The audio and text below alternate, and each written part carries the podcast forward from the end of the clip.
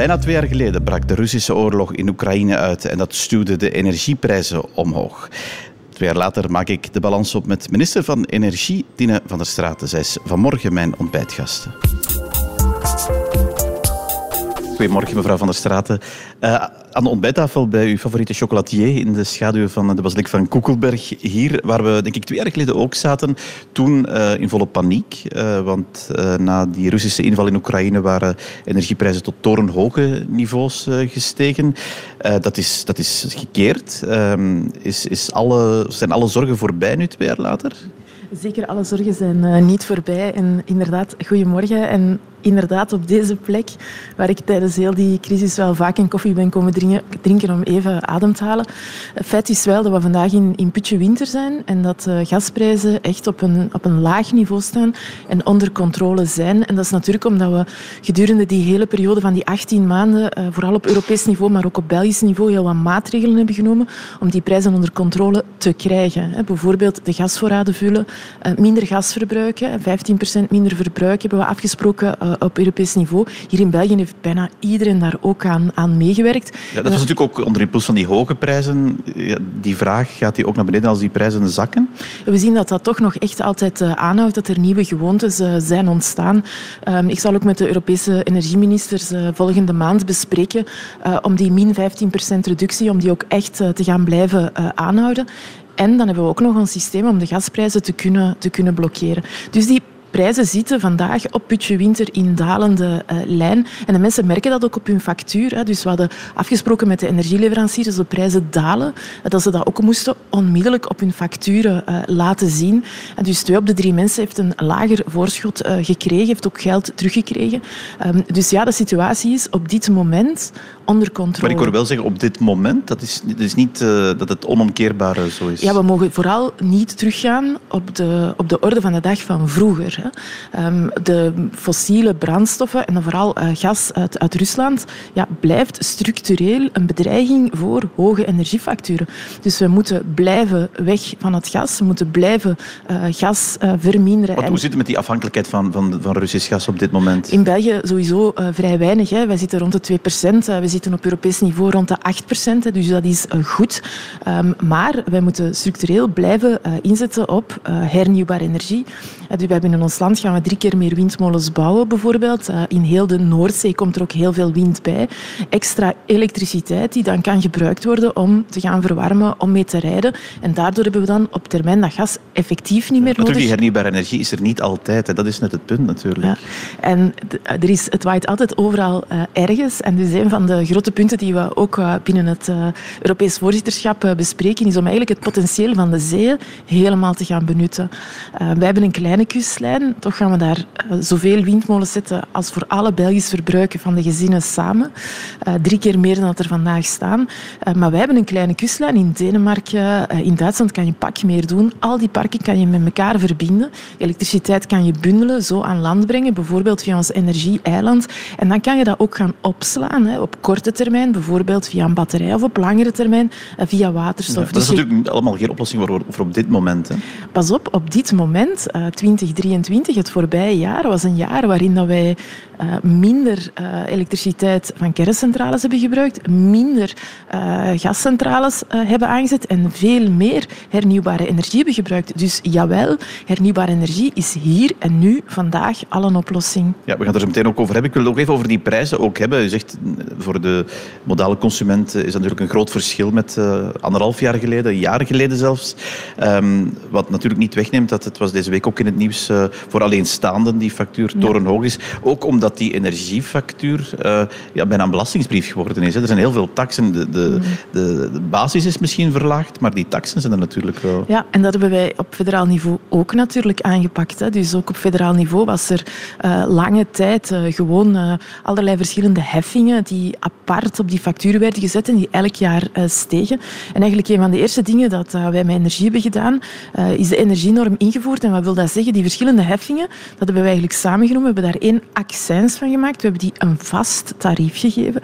Um, en die wordt ook gewoon op die vaste manier uh, doorgerekend. Hè. Dus dat hebben we alleszins op federaal niveau afgeschaft. Maar het klopt wel hè, dat er um, op andere uh, niveaus altijd nog, nog altijd te veel ja, zaken natuurlijk, in die daar is de consument op zich weinig aan met wie dat er dan uh, politiek zegt verantwoordelijk te zijn. Het wordt ook constant naar elkaar doorgeschoven. Nee, maar ik het punt is dat die, die, die energiefactuur wel een, een, bijna een belastingsbrief is. Hè? Was. Um, en ik, de, inderdaad, je moet niet altijd naar elkaar wijzen, maar zelf de handen uit de mouwen steken. En wat wij zelf gedaan, is wat dat federaal niveau betreft, hebben wij de BTW structureel van 21 naar 6 procent gebracht. We hebben dat in de crisis doorgevoerd en we hebben dat nadien ook behouden. En ten tweede hebben we al de verschillende heffingen die federaal bestonden en die uh, jaar na jaar telkens omhoog gingen, daar hebben we er eentje van gemaakt. Die hebben we een vast tarief gegeven dat niet meer fluctueert over de tijd. En daardoor hebben wij wat dat ons, wat ik zelf kan doen, dat wel effectief onder, onder uh, controle gebracht. Want weet je nog... Maar kan het nog verder naar beneden? Want dat is natuurlijk de vraag. Het is niet omdat het allemaal onder één noemer gebracht is en één vast uh, forfaitair bedrag is geworden, dat het uh, minder is natuurlijk. Jawel, dus we hebben, dat, uh, we hebben afgesproken in het regeerakkoord dat we dat aandeel dat we dat zouden laten dalen. We hebben dat eigenlijk geplafonneerd op niveau van 21, maar dat wil ook zeggen, herinner u, het sociaal tarief. We hebben het sociaal tarief uitgebreid um, tijdens de crisis. We hebben daardoor de mensen met de laagste inkomens eigenlijk het sterkst beschermd. Daar staat natuurlijk een kost ook tegenover die voordien op de elektriciteitsfactuur werd doorgerekend. Daar is dat is nu niet gebeurd. Hè. En dus het gaat echt over het structureel beschermen, het structureel vermijden okay. dat toekomstig beleid op de factuur wordt doorgerekend. Ja, er liggen nog een aantal thema's op die regeringstafel die uh, dicht bij energie staan en ook bij uw bevoegdheid. Onder meer die, uh, het, het, het, persoonlijk voordeel van een bedrijfswagen, hè, dat uh, ook belast wordt en waar altijd gekeken wordt naar de uitstoot, ook met elektrische wagens. Het punt is dat, dat mensen met een bedrijfswagen of fossiele brandstof waarschijnlijk flink meer zouden moeten betalen. Uh, minister Van Petegem probeert dat uh, te compenseren.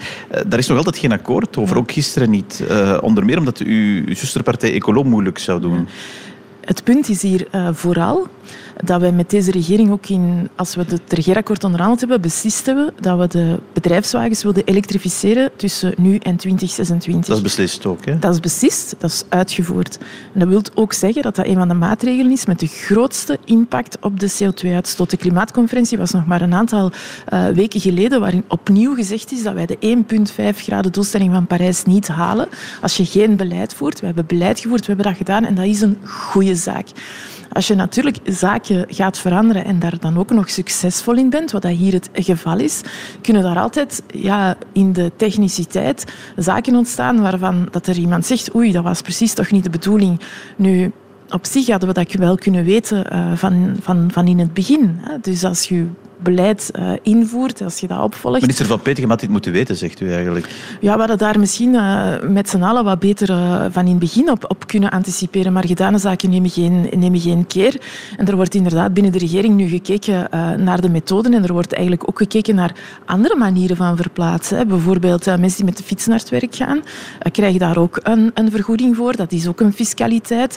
En waar het, eigenlijk, het punt dat ik hier eigenlijk wil maken is dat we moeten nu niet alleen zitten kijken naar die fiscaliteit van de mensen die vandaag een fossiele bedrijfswagen hebben, maar de mensen die vandaag met de fiets uh, Wat zegt u eigenlijk ook van als dit nu niet geregeld wordt, het zij dan maar zo? Dan betalen zij meer? ik heb er nu wel vertrouwen in dat uh, de minister van Financiën uh, een methode gaat vinden om het, om het op te lossen. Ten andere um, hebben wij op heel wat dossiers ook al heel goed uh, samengewerkt, ook in de techniciteit komt wel goed. Dus dit wordt geregeld. Iets anders wat, wat mogelijk voor in de regering voor een splijtswam kan zorgen, is een ethisch uh, dossier dat uh, in het parlement terug uh, naar boven is gehaald. de termijn voor abortus. Um, dat is een, een, een parlementaire kwestie. Um, hoe kijkt u daarnaar als, als, als minister? Kan, dat in de regering tot, tot problemen leiden?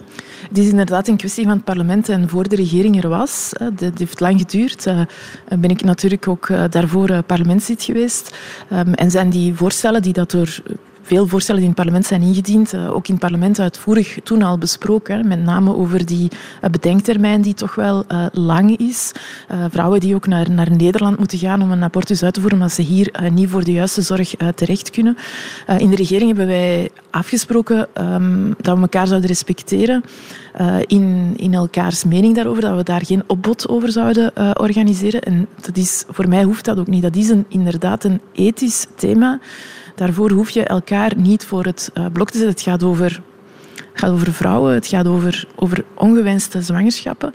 Eh, die werkelijk on, ongewenst eh, zijn. Hoe, hoe ga je daarmee om? Er zijn verschillende perspectieven aan. En dat moet met de nodige eh, sereniteit wel behandeld worden. En daarvoor is het parlement altijd de juiste plaats. Maar ik hoor u toch ook zeggen, nu snel in het parlement daar een, alternatieve meerderheid voor zoeken, want dat zal dan nodig zijn, omdat CD&V niet mee wil. Dat is misschien geen, geen goede zaak om dat snel snel te doen. Maar dat verdient het thema niet, dat verdienen de vrouwen niet, dat verdienen de abortuscentra ook niet. Hè. Uh, wij hebben in ons land een, een abortuswetgeving die um, al lang bestaat, die altijd, de wijzigingen um, aan die, die wetgeving zijn altijd na een grondig en sereen debat doorgevoerd geweest. In het voordeel van de vrouwen, daar ligt een rapport dat gemaakt is met verschillende aanbevelingen. Die aanbevelingen gaan ook verder dan alleen de punten waar er over gesproken wordt. Dat gaat bijvoorbeeld ook over voldoende artsen um, in, de, in de centra, voldoende expertise dat, dat aanwezig moet zijn. En het is op basis van die aanbevelingen dat het parlement moet verder werken. Ja, vooruitzicht natuurlijk, we gaan dat indienen, dat oude voorstel en we gaan dat uh, laten stemmen. Ik hoor u toch zeggen, Groen zal dat misschien niet zomaar uh, snel mee goedkeuren dan. Dat is een ethische stemming, wat dat eigenlijk ook wil zeggen dat uh, elk parlementslid zelf ook stemt hè, in, in eer en geweten. Dat zijn stemmingen die niet gedirigeerd worden vanuit de partijlijn. Um, en um, in, in het jaar voorafgaand aan de regering zijn er verschillende momenten geweest dat het ter stemming kon komen. ik kan u zeggen dat je daar zelf ook ja, lang over hebt nagedacht. Wat wat ik zelf uh, zou, zou stemmen, hoe dat je daar dan zelf in, in positioneert. Ik heb daar dan ook uh, met een aantal uh, artsen en, en met een aantal ziekenhuizen over gesproken. Dus ik, dat is geen thema waarin dat je um, vanuit de machtsblokken tegenover elkaar staat. Dus dat nu snel goedkeuren, ik vraag het daar nog eens expliciet, ik ben er geen voorstander van. Dat gaat ook gewoon niet gebeuren. wat dat er wel moet gebeuren, is dat het thema op de agenda wel moet komen. Dus ik vind wel dat het parlement dit echt wel moet opnemen. Er is een actuele De abortuscentra hebben opnieuw um, die, die vraag gesteld om die wetgeving te kunnen wijzigen. Dus dat moet niet uh, vooruitgeschoven worden, maar er moet actief gebouwd worden aan een meerderheid in het parlement. Het is natuurlijk ook uh, een punt nu, omdat er wat zenuwachtigheid is, allicht uh, over de nakende verkiezingen, die profilering dan ook groter maakt. Is het ook iets, iets wat u zelf merkt, ook in, in uw regering, dat het ja, toch het einde van deze legislatuur is? Ik denk dat dat van elke, elke verkiezingen wel een beetje het, hetzelfde is. Het is ook logisch eigenlijk. De verkiezingen komen eraan. Dat is één keer om de vijf jaar eh, in België. Het moment dat je kan vertellen wat je gedaan hebt, eh, maar ook wat je nog wil doen. Ehm, en dat zorgt altijd eh, voor de nodige, voor de nodige zenuwachtigheid. Ja, hoe gaat u of uw partij naar die verkiezingen van, van juni? Toch wel met een goed gevoel. Um, het zijn uh, geen evidente jaren geweest. Het regeerakkoord is onderhandeld in, in covid-crisis. Uh, ondertussen al ver weg, maar op een moment eigenlijk dat je ja, niet kon buitenkomen, dat, dat uh, sociale contacten, dat gewoon zelfs families in begrafenissen organiseren, moeilijke, moeilijke, moeilijke zaken waren. daarna kwam die energiecrisis eigenlijk ook onverwacht, maar we hebben wel gezien hè, dat de instrumenten die we hadden uitgewerkt tijdens de covid-crisis, bijvoorbeeld de verlenging van het sociaal tarief, zeer robuust zijn gebleken tijdens de energiecrisis. We hadden in ons regeerakkoord gezegd, we gaan uh, windmolens op zee uh, ver, uh, verdubbelen. We hebben dat maal drie gedaan. Um, die, die, bouwstenen die liggen er. die tanker is van, ja. van koers gekeerd. En, ja, de kernuitstap, gaan... daar kan u wel niet mee pronken, want dat, was, dat ging het alfa en omega van deze regeringsdeelname worden. Hè. Hoe, en wa waarom, waarom zouden wij daar niet mee kunnen pronken? Omdat u de verlenging van twee kerncentrales mee hebt En wat is daar het probleem mee? Wat is het probleem met een minister die geconfronteerd wordt hè, met, een, met ongeziene omstandigheden, die zegt, kijk, omstandigheden zijn gewijzigd, ik ga ook mijn mening bijstellen. Dat is logisch. En waarom? We hebben altijd gezegd, de kernuitstap is geen doel op zich, maar wel een middel om ergens te geraken. Uh, feit is nog altijd hè, dat uh, onze nucleaire elektriciteit gedeeld door drie gaat, de capaciteit gedeeld door drie, en dat we wel drie keer meer windmolens gaan bouwen. We hebben meer uh, hernieuwbare en minder van de rest. Want dat thema gaat uiteraard ook volgende regering terug. Bent u trouwens kandidaat om, om u zelf op te volgen als ja, minister van Energie? ik ben absoluut kandidaat om mij te laten verkiezen in het parlement, want dat komt eerst. Ja. En dan uh, wordt er uh, tussen de partijen die hebben meegedaan een regering uh, gevormd. En uiteraard, als er een mogelijkheid is om, om verder te timmeren aan de weg die we zijn ingeslagen, zal ik, daar, uiteraard, zal ik dat uiteraard graag doen. Ja, en als daar op die regeringstafel of die onderhandelingstafel het voorstel komt van we gaan ook nieuwe nucleaire capaciteit moeten bouwen in vorm van nieuwe kerncentrales, wat zegt u dan als u zegt van het is logisch dat ik wat van mening veranderd ben? Dan zeg ik, wat, hoeveel gaat dat kosten? Wanneer gaat dat er zijn? Hoe zeker kunnen we daarvan zijn? Uh, kijk vandaag naar. Zeg de... niet op voorhand nee. De, nee, we hebben hier op korte termijn oplossingen nodig, maar kijk naar Engeland, kijk naar Finland, kijk naar Frankrijk. Al die nieuwe kerncentrales die moeten gebouwd worden, die gaan gigantisch over budget ten eerste, uh, gaan over tijd ten tweede en hebben nog altijd geen oplossing voor het kernafval. Dus het, is, het heeft weinig zin om, om daar dan eigenlijk alle energie op in te zetten als eigenlijk je oplossing die je wel kunt betalen, die je snel kunt bouwen, als die gewoon voor je ogen ligt. Ja, maar ik, ik hoor u toch ook zeggen, het is geen a priori nee. Wij zijn wel aan het kijken, uh, we hebben daar binnen de regering gesteund, hebben daar budget voor uitgetrokken wat de bijdrage kan zijn van die kleine modulaire uh, kernreactoren. Uh, gaan die flexibel genoeg zijn? Hebben die effectief die, geen kernafval niet meer? Zijn die veilig genoeg? Um, wat zijn de mogelijkheden? zijn die betaalbaar? Wat zijn de mogelijkheden van die kleine reactoren? Daar hebben wij gezegd, ja, laten we daar wel naar kijken, want dat kan op langere termijn eventueel meespelen als al de problemen die dat de kerncentrales vandaag hebben, als ze die niet meer hebben, kunnen die misschien wel meedoen. Ik heb eigenlijk weinig uh, a priori. Nee, ik heb er eigenlijk wel een. Um, mijn a priori is dat je um, op lange termijn voor ogen moet hebben waar je naartoe wilt gaan. Dat is klimaatneutraliteit, klimaatopwarming. We worden geconfronteerd met de effecten vandaag en dat je op korte termijn dat in gang moet zetten. Oké, maar dat zijn dingen die dus over uh, vijf maanden allicht ook op die uh, onderhandelingstafel zullen liggen als daar al snel een, een, onderhandelende format gevonden wordt. In elk geval bedankt om vanmorgen daar al even op vooruit te blikken, mevrouw Van der Straten. Goedemorgen.